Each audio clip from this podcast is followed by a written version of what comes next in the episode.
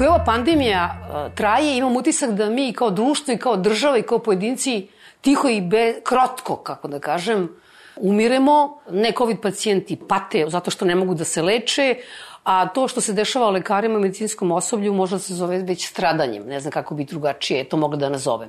Govori se o 40.000 viška smrti.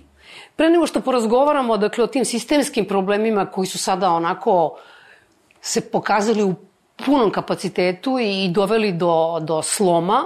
Ja sam htela da vas zamolim da kažete šta mislite o trenutnoj epidemiološkoj situaciji, jer vidim da se već svi radu. Evo manji broj zaraženih, evo manji broj hospitalizovanih. Imamo problema, još uvijek je velika smrtnost, ali možemo da budemo mirni u sledeće dve, tri nedelje. Trenutno jeste kao neko malo zatiše ove, što se tiče samo COVID virusa i to je delom zbog prirodnog toka svake epidemije koja u nekom momentu ima te svoje pikove i ove, i padove. Ovo je nešto što bi statistički, statistički išlo, pa bi išlo. Ove, činjenica jeste da smo mi zaista, pretpostavljamo, među prvima u Evropi dobili taj delta soj, pogotovo iz naše prakse, pošto smo mi radili u COVID bolnici. Ove, videli smo da to apsolutno u, bio taj taj pik delte. Sad šta će biti s ovim omikronom, to još uvek svi posmatraju, još uvek se ne zna, ima dosta mutacija. Postoje neke indicije da nije toliko opasan, da nije toliko, da je zarazniji, ali da je klinička slika blaža, međutim, to su uglavnom podaci iz Južne Afrike, gde vam je prosek godina 22, znate, u Evropi je negde oko 38, u Srbiji oko 45, tako da sve to vidjet ćemo šta će biti kad će doći kod nas. Izvini se, možete prekidam, i za Deltu se pričalo da neće biti baš tako fatalan kao prethodne tri varijante, pa se ispostavilo da to nije tačno. Tako da i ovo sad, što je incidentalno za, za Omikron prijavljeno, pitanje je kako će se odigravati kod nas koji nismo postigli nikakav opseg u vakcinaciji, niti kolektivni imunitet, niti sproveli mere, niti shvatili ozbiljnost situacije, tako da to što je možda utešno za, za civilizovane zemlje, mislim da za nas ne važi. S obzirom na to da smo među prvima nabavili vakcine, da ih ima dovoljno, da ih ima razno, raznovrsnih vakcina, besramno je mala ovaj, obim vakcinacije. Mislim, to stalno je ta igra gde nam govore samo koliko je punoletnih građana, kao da deca ne dobijaju COVID, odnosno tinejdžeri ili slično, jeli? Čak i ova statistika pitanje koliko je tačno. Znate, ovo što se podrazumeva pod vakcinisanim, ove, rekli ste, računaju se punoletni građani, dosta stranaca se kod nas vakcinisalo. Zaboravljamo da ima, nažalost, mnogo tih lažno vakcinisanih. Javna je tajna da su se falsifikovali ti sertifikati o vakcinaciji. Druga stvar koja ovaj, se malo, nažalost, pominje po medijima tek u poslednje vreme, je, ovaj, a koju smo mi odavno, mi koji smo kliničari, koji smo radili sa COVID pacijentima uočili, je neefikasnost Sinopharm vakcine, kineske vakcine. Ovde je narod dominantno vakcinisan tom vakcinom. I ovaj, ona se pokazala kao poprilično neefikasno što se tiče delta soja. Iako je bilo obolelih vakcinisanih, to su pa gotovo u svim slučajima bili ljudi koji su vakcinisani Sinopharm vakcinom, za koju čak i sam proizvođač rekao da nije ovaj, testirana na starijima 65 godina, a uglavnom je davana ljudima koji su preko 65 godina, tako da mislim da li je tu svesno, da li nesvesno napravljen takođe jedan veliki propust. Tako da naš realan doseg vakcinacija ako je 20-25% u populaciji. Kako biste nam opisali poziciju ne-COVID pacijenata ove dve godine? Ova pandemija nije, nažalost, nama kliničarima otkrila ništa novo, ona je samo ogolila sve probleme koji sad već decenijama ovaj, koje ima naše zdravstvo i ne postoji nivo zdravstvene zaštite koji sada nije ugrožen. Znači od preventive preko primarne zdravstvene zaštite, sekundarne do tercijarne ne postoji ni jedan segment u zdravstvenoj zaštiti, pa čak i uzevši u obzir ovaj, privatne, privatne ustanove, od nedostatka kadra u primarnoj zdravstvenoj zaštiti, preko zabrane zapošljavanja i specializacije od 2000. Da, godine. Da, ovaj, traje sa, koje još uvek traje. Sa sumnjivim obrazloženjima. obrazloženjima. Tako je. Preko odliva kadra, što zbog uh, umiranja, što zbog egzodusa odlaženja kadra. egzodusa, egzodusa, tako je. Znači, prvo stradanja, odlaska u penziju, odlaska u inostranstvo, odlaska u privatne ove ustanove, uh, preko toga da se postojeći kadar ne iscrpeo, nego samleo, jer ti na, na postojeći broj lekara i sestara samo povećavaš obim posla, Recimo, ako vi uzmete samo dom zdravlja, vi imate ograničen broj e, izabranog lekara na kome treba da bude 70% lečenja nekih osnovnih e, stanja zdravstvenih. Njih je malo. Pa onda oni imaju 50 pregleda dnevno, što je nemoguće u jednoj smeni, to vam je po 3, 4, 5 minuta za svakog pacijenta. Pa se taj mali broj sada razvodnjava, oni idu u COVID ambulante, idu na vakcinalne punktove, idu pomozi mi uh, na terensku službu. Znači to se osipa, oni se razboljevaju, oni pomažu, druge ustanove idu u Batajnice, idu u novoizgrađene COVID bolnice. Znači kad primar zataji, onda dalje šta treba da se kaže za, za sekundarnu i tercijarnu zdravstvenu zaštitu. Drugo, e, gomila se broj bolesnih ljudi, a ono što je suština medicine bila je preventiva, je tako? I ti sad nemaš mogućnost na ovoliki broj pacijenata, mislim zaista bolesnih ljudi, ti nemaš mogućnost da zdravom ili možda bolesnom čoveku na vreme otkriješ neko stanje jer se ne rade. Preventivni ginekološki pregledi, ultrazvukovi stomaka, rengini pluća pušačima, mamografije, e, ženama, kolonoskopije, kolonoskopije tako je, što se tačno zna u kom, u kom ovaj, periodu života je preporučeno da se uradi neka od tih pretraga da se na vreme otkrije neka bolest. Tako da kad preventiva zataji, kad ti zdravog čoveka ne neguješ da ostane zdravo, onda nije ovaj, ošte nije za čuđenje. Zašto se gomila ovoliko pacijenata koji su hronični, koji se tokom ove dve godine samo pogoršavaju, nema rehabilitacije, na primjer, eto, za, u mom slučaju za moje neurološke pacijente koji su uglavnom teški, teško pokretni, mislim njima ta rehabilitacija kontinuirana jako puno znači, preko toga da ne mogu da dođu na, na rutinsku neku kontrolu, da, da promene neku terapiju, da se posavetuju, da urade neki, neku kontrolnu diagnostiku i tako dalje. Kada govorite o egzodusu lekara, dakle, mi smo i pre COVID-a po broju lekara u odnosu na broj stanovnika bili daleko ispod a, Evropske unije, pri čemu Evropska unija obično kažu pa šta položadiš sa Nemačkom. Ne, Evropska unija i Bugarska i Rumunija i, Crna, i, i, i Slovačka i tako dalje. Znate kako, to je stvar koja nije od juče, ja moram da kažem. Ovaj, a imenom ću pomenuti. Znači, to je sve krenulo od čoveka koji, za kog odgovorno tvrdim da je jedan od ovaj, ubica srpskog zdravstva, Tomice Milosavljevića. Znači, to je čovek koji je zaista počinio zločin prema srpskom zdravstvu u tom momentu kad je on bio na vlasti. A bio je dugo? A bio je 100 godina, jeli? Ove, donešen je bio ovaj, nekakav akt o zabrani zapošljavanja. Ta akt je stvari bio kopija tih nekih sugestija MMF-a u tom momentu, pošto smo mi bili uvek dobri džaci MMF-a, ovaj, o smanjenju zaposlenih u, u, javnim, jeli, u javnim ustanovama. Pa su onda oni to primenili tamo i gde ima logika i gde nema logike. Ne postoji višak zdravstvenih radnika Znate, to jedino u Srbiji postoji višak zdravstvenih radnika, to jest u tom momentu su oni proglasili da je to višak u sklopu tih svojih racionalizacija.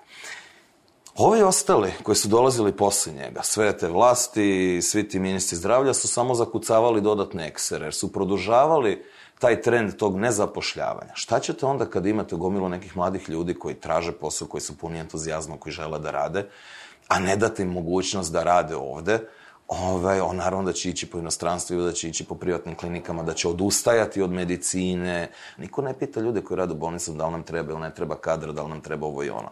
To su nekakve čate sa Excel tabelama, to su nekakvi ono, ovaj, tipovi sa laptopovima koji nešto preračunavaju i koji nemaju veze sa realnim životom i realnim potrebama.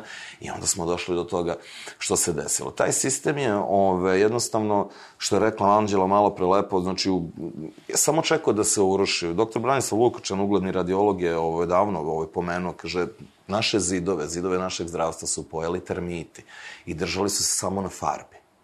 I sad je prvi vetar koji je dunuo, a to je bila ova korona, je srušila i tu farbu. Pričalo se često o tom takozvanom pucanju sistema, pa je Kon i ova ostala ekipa služ, uh, skupljena oko tog štaba za izazivanje kriza, ove, je rekla kako mi još nije nam pukao sistem, još se sistem održava. Ne. Sistem je pukao onog momenta kad je prvi KBC ušao u COVID sistem. Znači, to je bio moment pucanja sistema. Kad ste vi prvih 100, 200, 300, 500 lekara koji umesto da operišu, umesto da porađaju, umesto da leče svoje pacijente, da se bave svojom primarnom delatnošću, ste angažovali da leče COVID pacijente, tad ste pukli. I ovo ostalo, sve što je posle toga, nije bilo puci, nego jedan raspad. A posledica raspada tih 40.000 mrtvih, a to će vam trebati u najoptimističnijem scenariju Najmanje sledećih pet godina. I to ako se odma dozovemo pameti i računite da ćete imati na kraju jedan bilans od bar 100-200 hiljada ljudi koji će umreti, što bi se reklo, pre roka, jel? Nije problem da kupite i 100 i 200 i 500 hiljadu respiratora i opremite sale, ono, ko će da radi? Nema ljudi koji će da rade. Vi niste edukovali, da bi, vas, da bi imali iskusnog lekara ili iskusnu sestru čak, znači jesnog iskusnog zdravstvenog radnika. Vi treba, od momenta kad je on postao lekar, računajte još 10 godina. Dok završe specializaciju i dok stekne dovoljno tog specijalističkog iskustva da bude potpuno samostalan, potpuno sposobno da se nosi sa svim problemima koji mogu da mu zateknu, znači dok, dok stekne to neko iskustvo. Pritom, pazite, ne pričamo mi o ljudima koji imaju 17-18 godina, pa imaju 10 godina, pa su još mladi. Znači, lekari završavaju medicinu sa 25, 26, 30 godina. Znači, ti, vi, vi imate već jednog 35 do 40 godišnjaka koji tek tad pokušava nešto da, da, da stekne ovaj, i da se ostvari na neki način ovaj, i porodično i finansijski u svakom pogledu. Ako ste vi tog mladog čoveka sprečili u tome, to jest ako mu niste dali šansu nekim zapošljavanjem, nekakvom ulaganjem naravno da će otići u inostranstvo, naravno da će se baviti nečim. A to je, se reperkutuje tako što mi sad imamo stravičan problem sa kadrom. To se sve dešavalo i po istočnoj Evropi, to se dešavalo na neki način i na zapadu. Međutim, šta, zapad je imao odakle da uveze. Tako je. Mogo da uveze, od, kažu, od Rumunije, Bugarske, Poljske. s Poljske, Srbije, Hrvatske, Makedonije, Indije, Pakistana, znate kako, redko kad ćete više sad na zapadu i sresti belog lekara, znate, to, to je takođe, znači oni su imali jedan ogroman pul odakle su mogli da vuku, a ja ne znam kome mi šta možemo da ponudimo pa da dođe ovde da leči ljude. Vi ste govorili malo o tim tom problemu na nivou primarne a, zaštite. Ajdemo da vidimo dalje o sekundarno. Kako biste nam objasnili šta su tu glavni problemi? Ja koliko sam upoznata, u svim beogradskim sekundarnim zdravstvenim ustanovama, odnosno KBC-ovima, vi imate 30 do 40% manjka specijalista. Bilo da su u pitanju hiruške grane, bilo da su u pitanju internističke grane, o anestezijologiji, sad u ovim, mislim, okolnostima, neću pričam jer već su svi shvatili da je anestezija sada, mislim, hleb nasušni za, za ovu pandemiju i ovo što mi imamo, anestezijologa u Srbiji se samo prevrći iz jedne u drugu COVID bolnicu. To su ljudi koji se multipliciraju između e, operacija na hladno, hitnih intervencija, urgentnog centra, e, COVID-a, e, održavanja pacijenata u intenzivnim negama, To je sve njihov posao, uvođenje u anesteziju, vođenja anestezije. Svuda postoji minimum 30 do 40% manjka kadra i sad recimo ja mogu pričam konkretno o svom odelenju. E, nas bi trebalo po sistematizaciji da bude 15, nas je 8, od tih 8 troje ima preko 60 godina, jedna žena je, ne znam, invalid rada i tako da i tako bliže. Broj specijalista se smanjuje, obim posla se povećava zato što neminovno naša populacija stari i moja grana je takva neurologija da nama pripada neki, kako bih rekla, starije, starije životne doba pacijenti.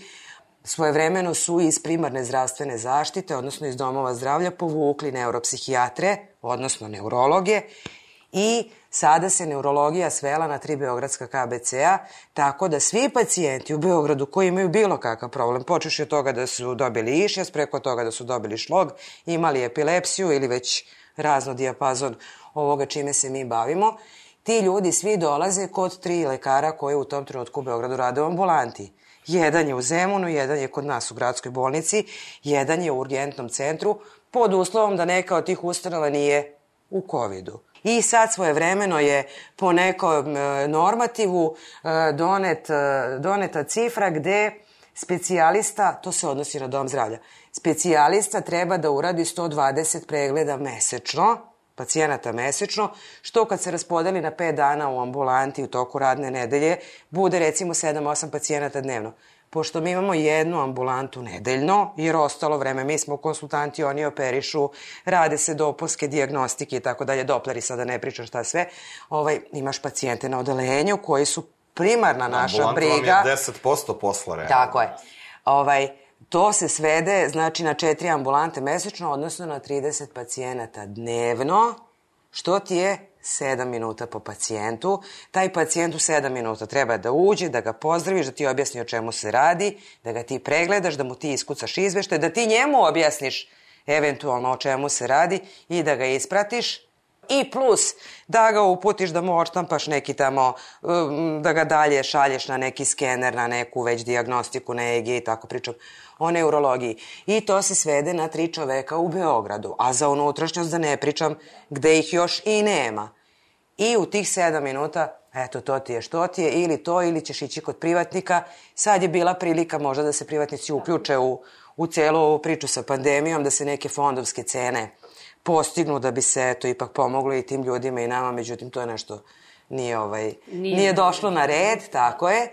I u sekundarnoj zdravstvenoj zaštiti u stvari e, specijalisti obavljaju posao primarne zdravstvene zaštite i sekundarne zdravstvene zaštite, se opet vraćamo na to da kadra nema i onda sad šta ti Bog da i koliko si ti vičan da to uradiš ili ćeš da ga ofrlječiš u tih 7 minuta ili ćeš da rastigneš pa ćeš da ostaneš 14 sati da i plus će ljudi da ostanu na čekanju jer čuveno ono nema termina ili ćeš da iskačeš iz sale da pregledaš nekoga da umesto na pauzu ti da još troje tu na hodniku nešto posavetuješ ili će te zovu na kuću ako si dao broj telefona, pa će onda jadni da te jure po društvenim mrežama da je nekako da se snađu.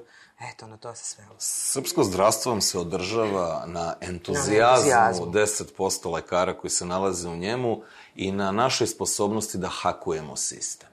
Znači, sistem je apsolutno usmeren i protiv lekara i protiv pacijenata. Ovaj kakav postoji, znači, naš sistem je naš najveći zajednički neprijatelj. To vam je ovaj, kao da imate Znate, imate onu Polineziju, Mikroneziju. Ostrava, to su vam neki specijalisti koji nešto mogu da vam uradi. Sad, koliko pacijent ima snage da prepliva od tog jednog do drugog ostrava, trećeg ostrava da dođe do izlečenja, to vam je to. I koliko mi možemo da mu pomognemo da preskoči sve te administrativne i druge zavrzlame koje se nalaze na njegovom putu. Eto, tako vam se održava i pre COVID-a srpsko zdravstvo, a sad pogotovo nakon COVID-a. A kako je o, o hirurgiji?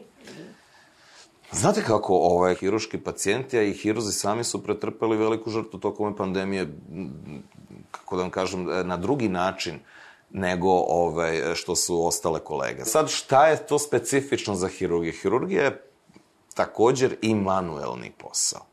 Ono što je opasno za hirurge, da vam ne rade po dve godine, je uh, gubitak tog hiruškog tempa koji je vrlo specifičan, Anđela jako dobro zna. Znači, mi smo nekakve mazge koje non stop rade nešto i vuku nešto, ovaj, kad usporite to, teško mi je ponovo se posle pokrenuti. Druga stvar, gubi vam se ta mišićna memorija. To je fizički posao i to vrlo precizan, to na nivou, ajde, neću sad možda ne preteram, ali na nivou filigranskog rada.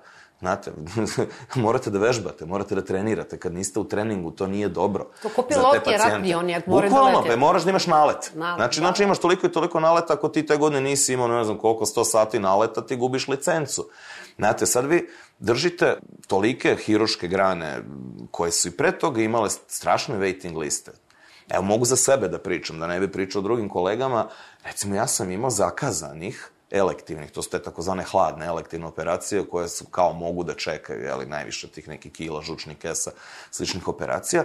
Pre, znači, početka pandemije, marta prošle godine, sam imao samo ja na svojoj listi 80.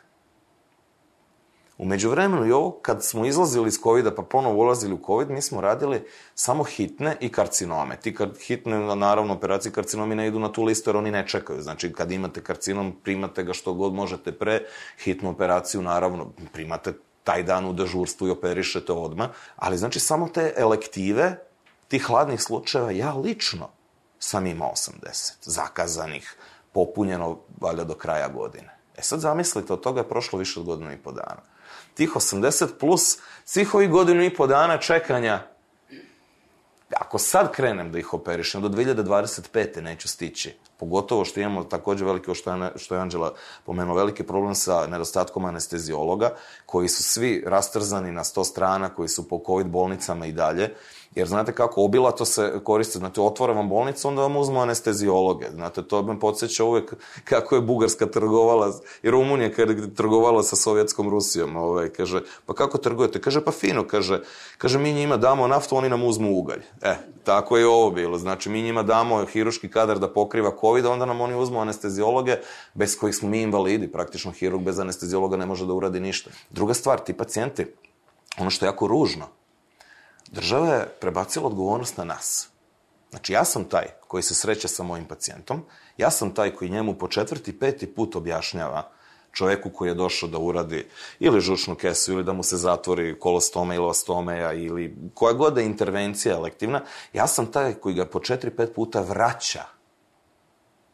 Dođite posle, dođite posle, dođite posle I on će onda mene da vidi ko svog nekog neprijatelja ili će misli da, da sam korumpiran pa da mu tražim nekakav novac, jer njima nije jasno da smo mi bespomoćni tu, da nemamo niti kadra da završimo to što njima treba, niti mogućnosti i da svako malo nam govori idete u COVID. Znate kako nama jave u COVID? Pošalju nam poruku na grupu. E, od sutra ste u COVIDu. Pa super. Znači, sveže operisane pacijente ti raseljavaju po bolnicama. Znači, to je jedna apsolutna nezainteresovanost za tu neku humanu, ljudsku stranu od strane tih jeli, tipova sa Excel tabelama. Pa ne, to je moglo donekle da se razume negde prošle godine na početku. Panika je, pobogu, prošlo je skoro dve godine. O, ovo nigde u svetu više nema, znate. Sad ću vam kažem, ja srećom imamo, svi smo u kontaktu sa kolegama našim, i što sa fakulteta, što sa specializacija koji su po inostranstvima. Kad je to krenulo, bilo je stvarno angažovanja razno raznih ovaj, svih tih bolnica u COVID. To je trajalo po celom svetu, sem po zemlji Srbiji, vidim malo po ovom regionu, ovaj, dva, tri meseca. I onda su se svi organizovali tako da taj posao ne trpi. Ono što sam pomenuo malo prepucanje sistema. Čim ste jedan KBC, a ne četiri, koja su konstantno u COVID režimu u Beogradu, čim konstantno držite četiri KBC, a vama je sistem ne da je puko, nego se raspao koliko je puko. Jer to nigde u svetu nemate. Svugde i neurolozi rade svoj posao, i ginekolozi, i hirurzi, i svi rade svoj primarni posao i tako je zdravstveni sistem organizovan da se COVID-om bave lekari koji su za to zaduženi. A ovako se COVID-om bavim ja, znate, nakon 21 godinu bavljenja hirurgijom, znate, ja nis, ne da ne umem, umem, ali ne bi trebalo da vam ja procenjujem rentgen pluće, da vam leč, lečim respiratornu infekciju. Kada je Slatko sad pomenuo specializaciju i subspecializaciju, to je još pre ove vlasti, pre ove vlade, ali tako, to je bilo praktično nemoguće. Ljudi su morali sve sami da finansiraju. Znači, mi smo i u tom periodu izgubili jako mnogo ljudi koji bi sada trebalo da nose zdravstveni sistem, zar ne? Tako, tako ja to je. razumem. A ako se ja dobro sećam, 2000. godine je posljednji put data volonterska specializacija, znači posle fakulteta, da si ti mogao po svojoj želji jel? 2001. To je, ja, ja, tako ja bila prva, tako je naša generacija.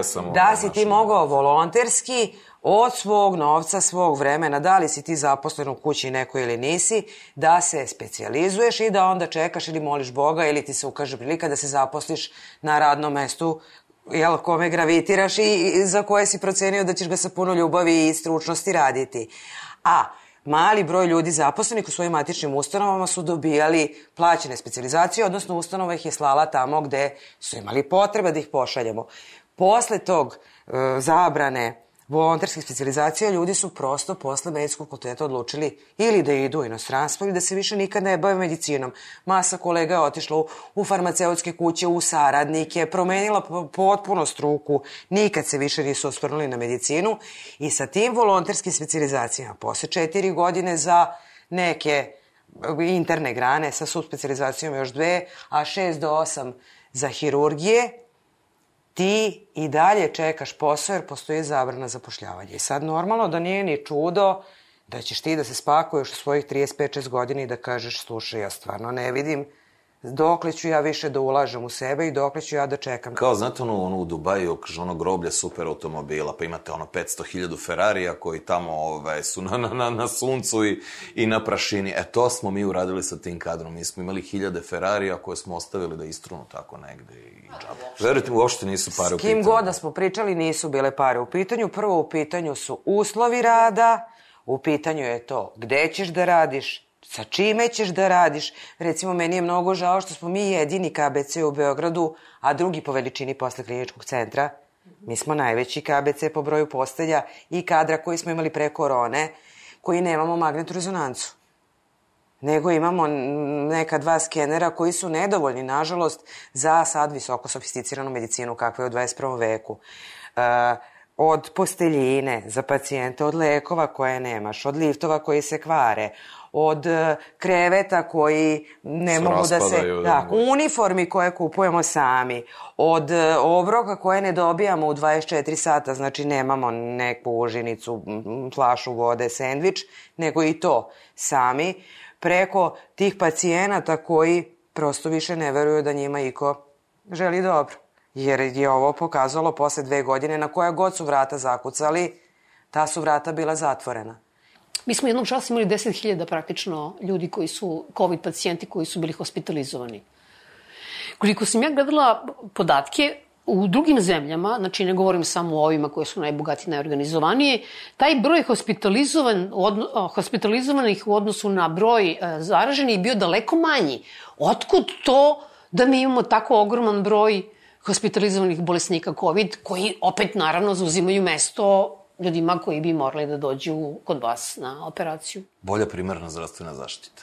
Pre svega to. Znači, oni Vraćamo su, se na osnovu Oni su onog, mnogo da. kvalitetnije i selektovali pacijente i lečili pacijente u toj primarnoj zdravstvenoj zaštiti, znači na tom nekom ambulantnom nivou. Kod nas su, nažalost, to je i sistem kriv, ali i ljudi su krivi isto, da, da ne kažem, nisu ni pacijenti baš, ono što bi se reklo, cvećke, koji su što kaže pili razni ivermektine i razno razne te neke babske lekove, zanemarivali svoje stanje i onda su dolazili u stanjem u, u primarnu zaštitu i te covid ambulante u stanjima kad zaista više nisu bili za kućno lečenje, nego su bili za momentalnu hospitalizaciju. Oprosti, Zlatko, ti da, zaboravljaš Da, da. prvu stvar, a to je da smo mi u martu čuli da je ovo najsmešnije na O, da svetu. ne pričamo o tome. Da je To- ovo, to, da. da je ovo za Srbe jedna jedno smejurija. potcenjivanje. Znači, u startu je ovaj virus pandemija cela, jer dok vi gledate u Italiji one strahotne scene, u Lombardi i tako dalje, mi se ovde podsmevamo, mi smo super, kako beše, super Lavlji geni, geni. tako Lavlji je, geni, mi smo lavlji geni, ovo je sve smešno, ovo je sve ovako, ovo je sve onako,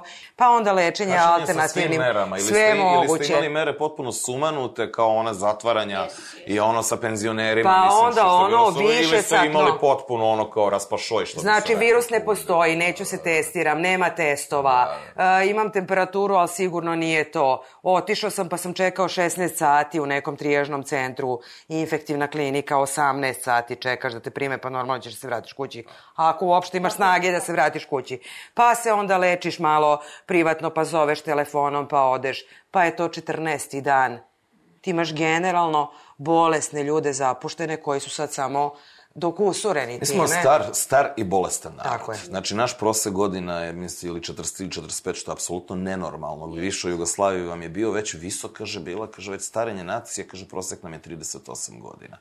Onda je bilo priče, sad kaže, kako kao u Africi je manja, manja ta pandemija, ako prvo oni ništa ne beleže, jadnik, nema što zabeležiti. Drugo, mladi su. Drugo, oni, to, to je prosek godine 22, 23, ti mladi ljudi će to, ili Indija, recimo, koja ima prosek godina čak i manje od Afrike. Znači, to su ljudi koji će u proseku mnogo lakše se izboriti sa svime time. Ove, ali činjenica da je to zaista, ovo što je rekla Anđela, to je bilo takvih, ove, takih e, ignorisanja e, objektivne opasnosti. Mi smo tog prvog dana kad je proglašena epidemija, dobili smo na poslu maske od gaze. Znači, odjednom su volšebno nestale sve maske, ove hiruške, ovi FFP, ili tih N95 nije ni bilo još uvek. Znači, dobili smo one kineske što nam se usecaju, redovno uši otpadaju, to tek nakon nekog vremena. I kese za đubre. I kese za đubre, da. I kao, Umesto kao neke, kaže, neke mantile koje su stvari realno kese za đubre. Obična kese za đubre. Znači, bukvalno samo što nije crno, nego je žuta, nema razlike nikakve. Ali ovo je bilo stvarno, ja mislim, ono ko poraz medicine u tom momentu. Dobijete masku od gaze. Ja se 21 godinu bavim hirurgijom, nisam video masku od gaze do tada, verujte. Niti ti je palo na pamet da u salu uđeš sa maskom znao od sam da su postojale, ali kako kažem, kroz tu masku od gaze proći će ne virus, može i manji miš da vam prođe, bez ikakvih problema. Da, pošto su oni pogrešno na početku imenovali kao socijalna distanca. Da. Ta fizička distanca e, koja je na zapadu, recimo kako se sever proslavio sa, sa pandemijom, se podrazumeva da ti nećeš ulaziti čoveku u gestualni prostor, nama je trebalo odavno neko da nas podsjeti kad je bio školski program, kad je bio obrazovni program. Vi na televiziji i na nekim drugim medijima godinama nemate. Ba, stvar bazič, bazične kulture Tako je, da neko ne da kulture i opet moram da se vratim na vakcinaciju. Znači nije antivakserski pokret ili već kako se sad to nazvalo, ne znam ni kako bih krastila, e, isplivao sa koronom. To se odavno gaje i dopušta Nezavisno od ove vakcine, mislim, odnosi se na sve vakcine. To je jedno zdravstveno prosvećivanje koje je postojalo i kad su naše babe na selu znale da treba da se operu ruke kad se izađe iz toaleta.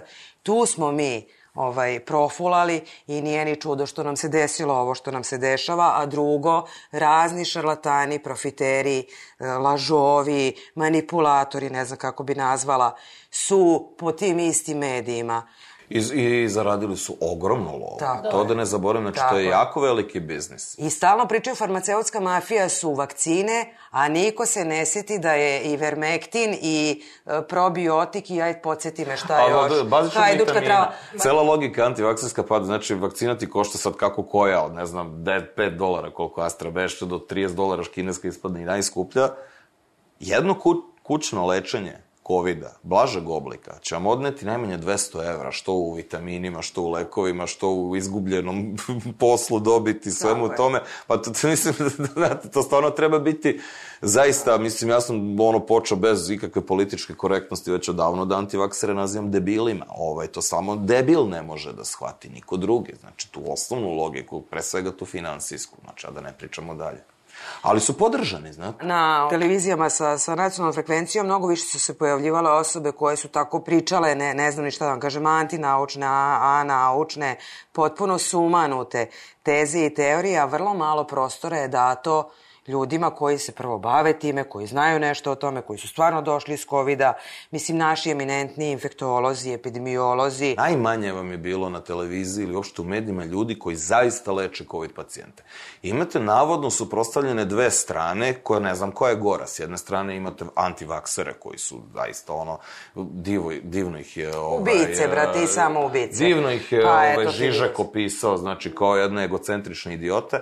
Ove, a sa druge strane imate imate ove, taj jeli, štab za izazivanje kriza, pošto ne mogu da ga nazovem kriznim štabom, nego štab za produkciju kriza, ovaj, i te neke neostvarene uh, uh, naše kolege, koji su čak mnogi već, ali nekakvi profesori, neki su i u penziji, koji nisu videli pacijenta u životu, kamoli COVID pacijenta, i onda su oni suprostavili dve strane. A mi koji smo zaista radili sa tim pacijentima smo stvari između, između dve vatre, jer znači dve grupe idiota vam pričaju, jedna priča da je sve to laž, da će vakcini da vas čipuju, da ne kakve sve, jeli, ste standardne budalaštine, a s druge strane imate ovu drugu grupu, koja pojma nema o tome kako izgleda COVID pacijent i lupaju se s nekim procenama, sa nekim ne, ne, izjavama. Koji su sve učinili da izgube sve, poverenje da, da. i onda očekuju da ti sa puno oni poverenja nama, odeš i vakcinišeš na, Oni su nama naneli stravičnu štetu.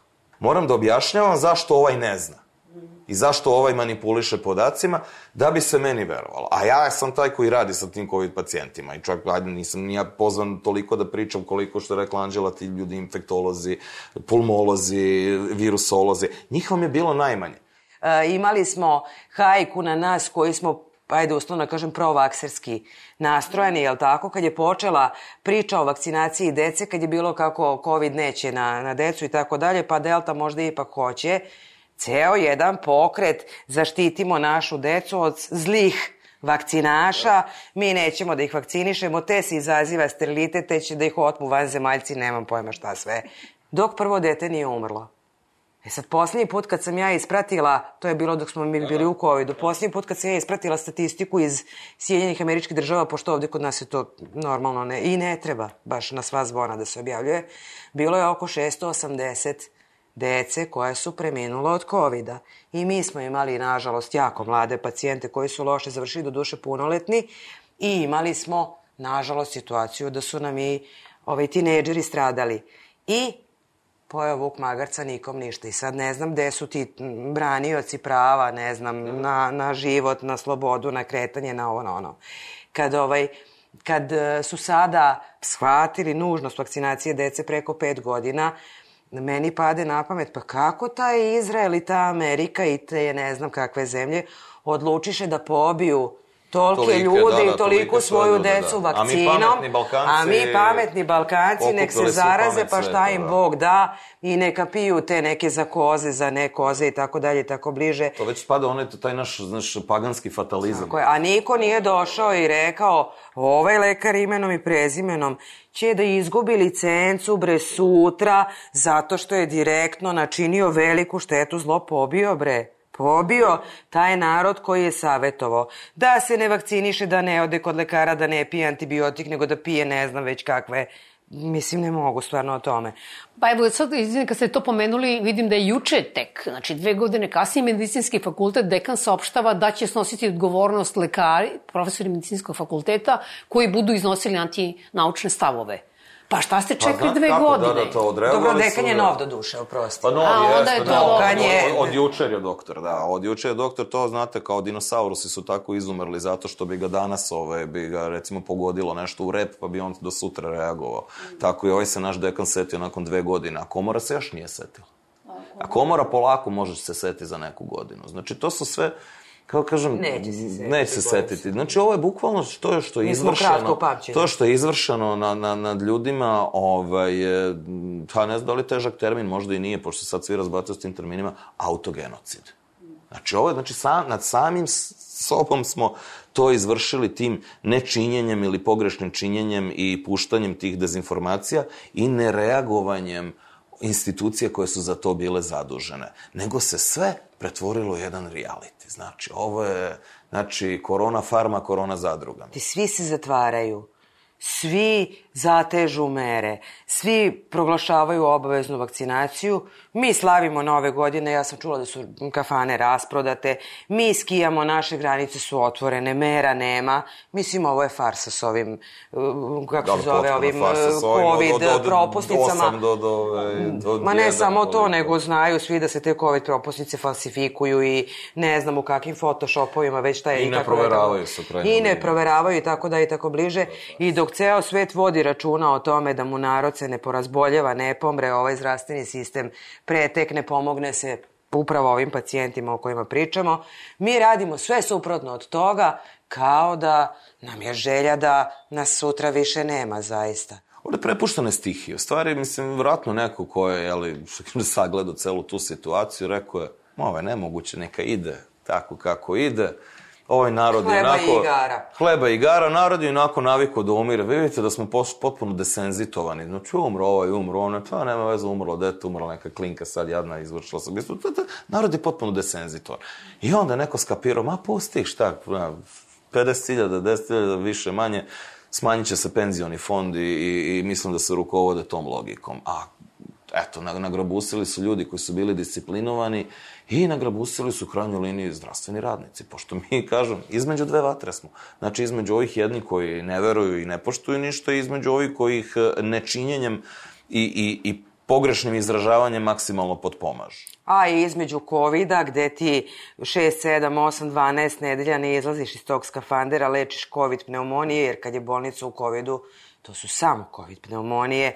Nema slepo crevo, nema šlog, nema infarkt, nema, ne postoji, znači samo COVID pacijenti, ne može da se uđe, da se uradi pregled, kontrola, ne znam šta. Znači, u COVID-u izgaraš lečeći te ljude, A van covid u tim kratkim, mi smo najduže sad bili, između četvrtog i petog talasa, dva meseca smo bili ovaj, van covid ti se sumanuto upregneš da sad sve ono nadoknadiš što se gomila. ne možete da- liste ne možete da postignete Ne možeš, ni 10%. a pritom da vam kažem, možda bi se mi malo i odmorili nekada. velikodušno vam daju pet dana, ali kao sad nemojte, pa onda kao, evo, moći ćete uzmete dve nedelje, ej, ne možete, opoziva se, jer znate, sad ponovo ulazimo u COVID i tako nas muštraju, jeli, dve godine gde vi ne možete, ljudi su razočarani, iscrpljeni, znate, kad imate nemotivisanog zdravstvenog radnika, to vam je nešto najgore. Jedno vreme je bilo šokantno porediti broj e, lekara, čak i tu najmanji brojki koje su se pojavljivale a, i medicinskog osoblja koja je umrlo u odnosu čak na region, na Hrvatsku, na Sloveniju i tako. Juče sam čula na um, konferenciji sindikata lekara i farmaceuta da oni govore već o 139 Medicinske sestre i ne znam koliko, je li? To vam je ceo jedan KBC. Znači, vi ste izgubili ceo jedan KBC lekara, koji je mogao da pokriva 500-600 hiljada ljudi, možda i više. Znači, vi ste izgubili, ne da izgubili, nego ste svesno žrtvovali. Znači, ono, pustili ste ih da umru.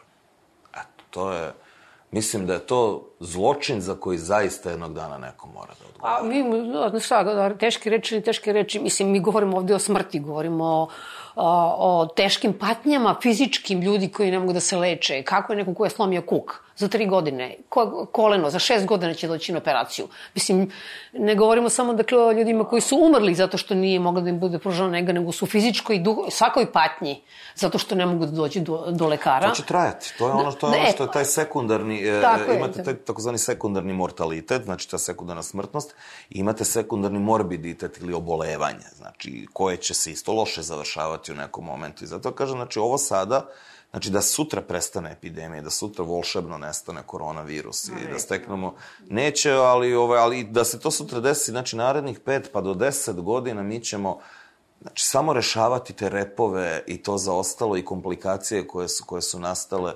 nastajale ovaj, umeđu vremenu, jako će to teško ići. S ovim odlivom kadra, s ovim neulaganjem i nerazmišljanjem, perspektivno, znate, da niko ne razmišlja strateški. Sve se razmišlja u napred mesec, dva, tri ili ono kad se desi. A da se razmišljalo strateški, što kaže, već, već bi se razmišljalo i o planiranju kadra i o planiranju kapaciteta. Kažem, možda... Upisnoj politici na medicinskom fakultetu. Ne samo to, možda... nego da vam kažem i ova deca koja su sada na specializaciji, mi stvarno imamo krasne, krasne mlade doktore, zaista, ovaj, tu smo imali sreće. Deca koja su sad na specializaciji, odnosno koji su klinički doktori i čekaju specializaciju, njima se i to prolongiralo ove dve godine, jer svako ko je bio radno sposoban bio angažovan u COVID-u.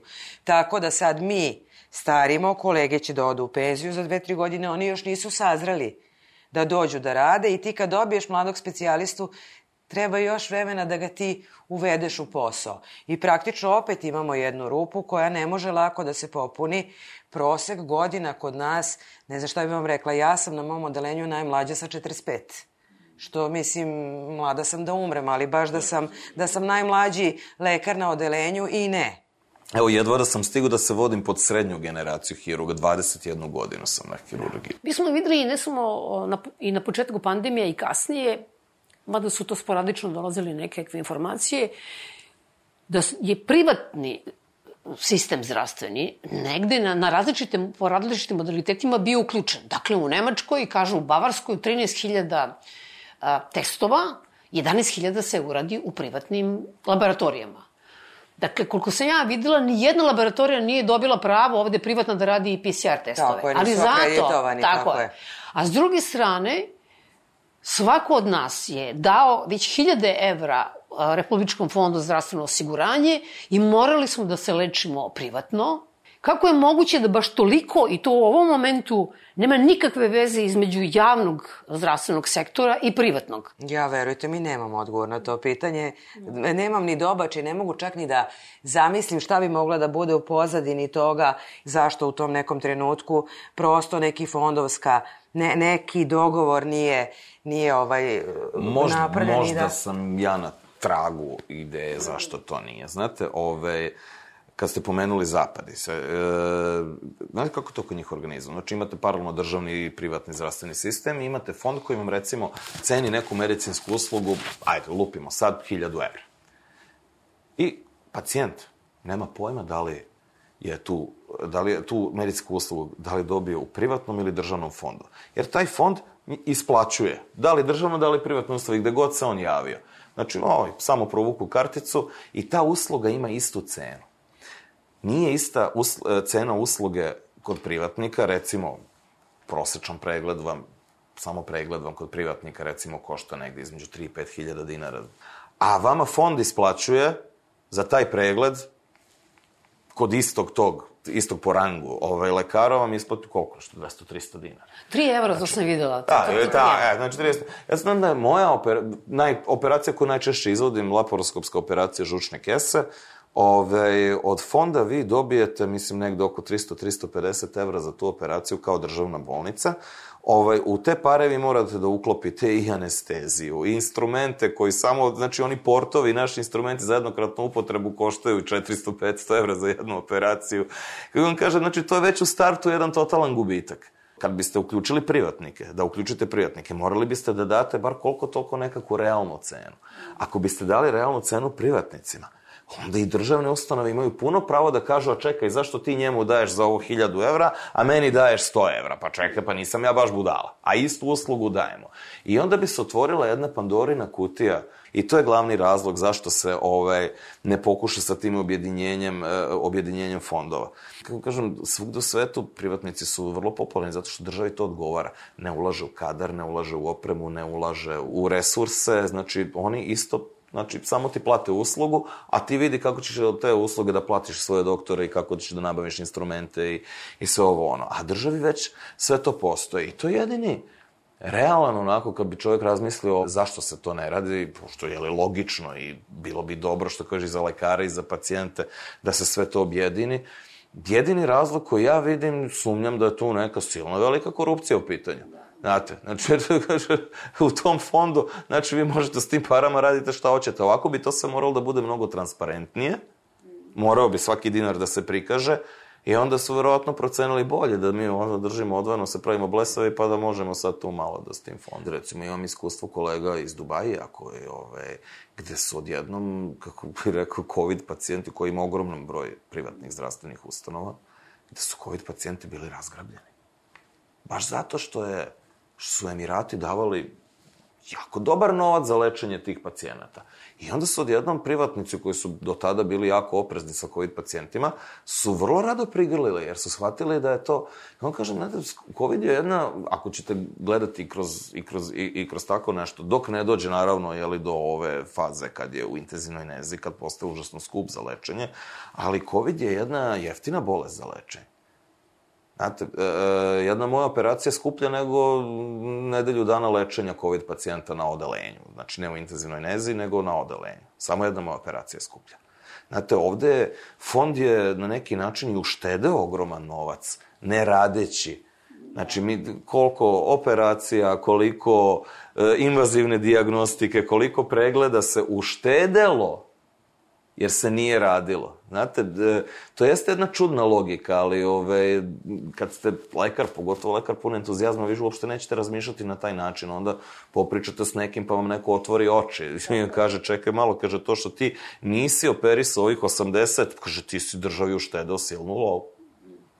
To ono kad uđu administrativci da se bave medicinom, nema ništa gore. Da, da, zato što tu postoji nekakav, ja se tu stvarno ne znam da vam kažem, jer sam onako simplex vulgaris, lekar, ovaj, ne znam to, ali recimo mi svake godine unapred pravimo plan koliko ti planiraš da uradiš pregleda, ne znam koliko pacijenata ćeš imati na stacionaru, koliko godišnje se uradi sad neke naše diagnostike visoko specializovane i tako dalje i tako bliže i ti sad treba da Ko baba Vanga da unapred Tako znaš šta ćeš da radiš da, i šta će da se desi. Što je potpuno Tako suludo. Tako je, kakva će biti potreba ili da li će da iskrsne pandemija ili će ne znam šta drugo se desi, poplave, šta smo sve pregurali bili i da ti spram toga neki novac e, planiraš, a ako si podbacio ne valja, ako si prebacio ne valja, ja stvarno nisam, mislim... A to je samo zato da bi olakšao posao tom nekom čati iz ministarstva.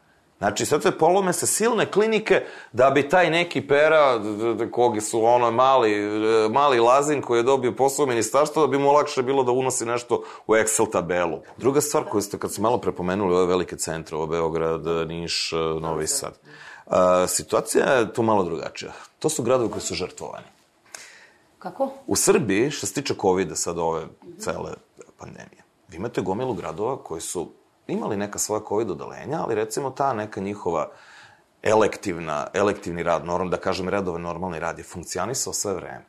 Vi ste samo u Beogradu i ne znam, Nišu, Novom Sadu pozatvarali, ne pozatvarali, nego kompletno, znači maltene celu medicinsku ponudu ste prebacili u COVID. To se nije desilo u gomili manjih gradova u Srbiji.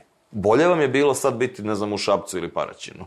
Tokom da, da, evo sad kad smo se čuli sa kolegama Peti Talas, mi, Kosa i e, Mišović smo u covidu, Zemun grca Jer sad ti od četiri KBC-a koji u normalnom funkcionisanju jedva postižu da urade standardni i hitan posao. Pritom uzimaju njihov kadar. Tako Oni su je. kao u non-covidu, ali se stalno uzimaju njihovi lekari e, e, e, za batajnicu i Tako da je. se pokriva... Zemun ove... grca jer je jedini, mi grcamo što smo u covidu, onda kad se sve otvori, onda aj sad krpi ovaj, ove repove, što kaže Zlatko, pa onda, pošto ti ne možeš čarobnim štapićem taj covid izolovati da ne postoji, tebi opet uđe COVID u bolnicu jer ti ne možeš da ga, da ga sprečiš i neminovno si ti opet nekako COVID friendly.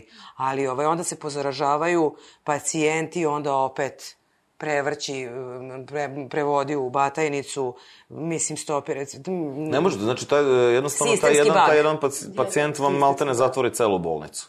Problem COVID-a je bio i ovo, a bilo je što se ljudi nisu testirali. Da su vraćani masovno, da je jedan član porodice zaražen, da ove ostale ne testiraju, da ne idu u izolaciju, da ako je dete bolesno, ovi roditelji mogu uredno da idu na posao i tako dalje i tako bliže. Neko je to rekao skoro da su zvanični podaci negde da imamo, da smo, ne znam, 18. u Evropi po broju malignih oboljenja što negde na sredini, tako? Otkrivenih. A, otkrivenih, da, a da smo drugi po smrtnosti. Tu sad postoji jedan užasan višak ljudi koji su umrli, a nisu morali da To je da ono što sam pričao o onoj Polineziji, znati koliko mm. ima snage da otpliva od jednog do drugog specijaliste. To je upravo se odnosilo na tu onkologiju. Da, da, da. Ma to je ovo što smo spominjali. Prvo što smo mi zdravstveno neprosvećeni, jer ćemo radije da odemo kod frizera, nego na ginekološki pregled, jedan godišnje preventivni. Drugo, što izgubiš volju da se ošte baviš time, ako ti prvo zoveš telefonom pa je zauzeto, pa onda odeš da zakažeš, pa ti on kaže nema termina, pa onda posle mesec dana zakažeš za tri meseca, pa se za svaku tu diagnostičku proceduru od rengena pluća, standardnog, mi smo nacija koja puno puši, pa se za svaki taj pregled ti ozbiljno pomočiš da zakažeš, realizuješ, pokvario se aparat, doktor nije tu, taj jedan kad nije tu za mene nema. Da. Tako je, ljudi su demotivisani i tu sad ne računajući COVID, ti sigurno gubiš par meseci u tom nekom preventivnom lutanju i zakazivanju i mislim da je tu problem prvo te, znači preventive za manjka kadra, opet sve ovo o čemu smo pričali, a drugo što se mi generalno kasno javljamo lekaru jer mi nemamo tu kulturu da odemo dok nas nešto potpuno ne, ovaj, ne sastavi, a mislim da je tu problem i siromaštva, jer ljudi kad kažu molim te nemoj da idem na bolovanje i nemoj, ja sam danas radila ambulantu i ja kažem ženi vi biste stvarno morali od ponedljaka da doćete u bolnicu da mi nešto poradimo da i tako dalje, tako bliže. Ona kaže nema teorije, jer kad ja odem na bolovanje to je 65% i tako dalje, tako bliže, ja ću umreti od gladi i to je kraj. I... Ili će dobiti otkaz ili, tako ili je. nešto, znači to je stvarno Ili neće imati se... ko da čuva dete, da. ili dete ne može u vrtići, tako surovo da... Surovo što se tim ljudima radi, koji eto što tako kaže, je. izbegavaju lečenje do, do krajnjih granica iz tih nekih materijalnih i socijalnih. Tako otvarate dalje, da, da, da. dalje, tako je, da. dalje. Da, ali kažem, to se dugo se taložilo, ovo su sve problemi. Znate, mi smo započeli da pričamo o nečemu što traje preko 30 godina. Ne, mislim, ovo je samo... Zagrebali. Samo je, samo je zagrebalo, ova, ova korona je samo dunula prašinu da se vidi, što kaže koliko tih babuški ima unutra. Ovaj, a... Ako se ništa ne bude preduzimalo, kamen na kamenu to neće ostati. Ili, ili kako da kažem, put koji nigde ne vodi, nema kraja. Jel, možemo da se tanjimo, možda bude sada više smrtnih slučajeva. Kako vi vidite naredne meseci? I sa stanovišta svog posla angažmana i sa stanovišta nas pacijenata. Kao dan mrmota. Ja tako vidim i nema kraja. Mislim, ovo će trajati dok poslednji na planeti ne oboli ili se vakciniše ili, mislim, neće stati dok ne pronađe poslednjeg zaista posljednju osobu na planeti. Mi smo se tu malo uspavali, e, mislim ono što se ne pominje to je da pacijenti boluju i dva i tri puta imaju koronu, ne samo jednom. Vakcinalni status ističe ljudima koji su pravovremeno otišli pa se vakcinisali u januaru. Ovo će ići u nedogled, talas 5 i 6 i posle korone, što rekao profesor Delić, naš uvaženi, eminentni infektolog, oko 3000 patogena čeka sad svoj trenutno red. poznatih svoj red da bukne neka sledeća Kako pandemija. Kako permafrost, da vidimo šta ćemo tek da dobijemo iz pa kad ne bude korona biće nešto drugo. E, mislim, mi moramo da nađemo neku ravnotežu i da nađemo neki način da, da sa tom koronom ili nekom budućom koronom ili ne znam čime živimo u, nekoj, u nekom primirju gde ćemo mi da preduzmemo sve što je do nas danas ne, ne, ne zakači, ne, ne savlada i tako dalje, a da se obezbedi ovim drugim, mislim, jadnim ljudima kao da nijedna više druga bolest ne postoji. Ovaj, adekvatna zdravstvena nega i zaštita, a da se pritom i na nas neko osvrne. Mislim, ne možemo ni mi da se punimo ko mobilni telefon non stop, jer ovo je već druga godina, mislim. Samo poslednje tri meseca sam više napisao umrlica za mlade ljude nego što sam za 21 godinu na hirurgiji. Naš Znate, najmlađi pacijent 23 godine. Ja sam njegovom ocu javio da je, da je njegovo dete umrlo. Znate, to je To su neke užasno teške stvari. Znate, nije, nismo navikli da nam toliko mladi ljudi umiru. Nigde, nikad toliko. A da nisu Znate, morali. A da nisu morali. Pogotovo da nisu morali. Znate, ja za 21 godinu na hirurgiji toliko nisam umrlica ispisao. I to hirurgija gde se umire. I ovi problemi koji su nametnuti taj non-covid. Taj non-covid će nas na kraju balade skuplje koštati. Veći će mortalitet biti kad se bude merio, ako ga iko bude suvislo merio statistički za jedno pet godina će se ispostaviti, verujte mi da će, da će što bi rekao naš predsednik, verujte mi, jeli? Ove, znači, verujte mi da će, ove, da će biti veći nego ukupni mortalitet od samog covid Hvala vam mnogo na razgovoru. Hvala, Hvala vam na pozivu.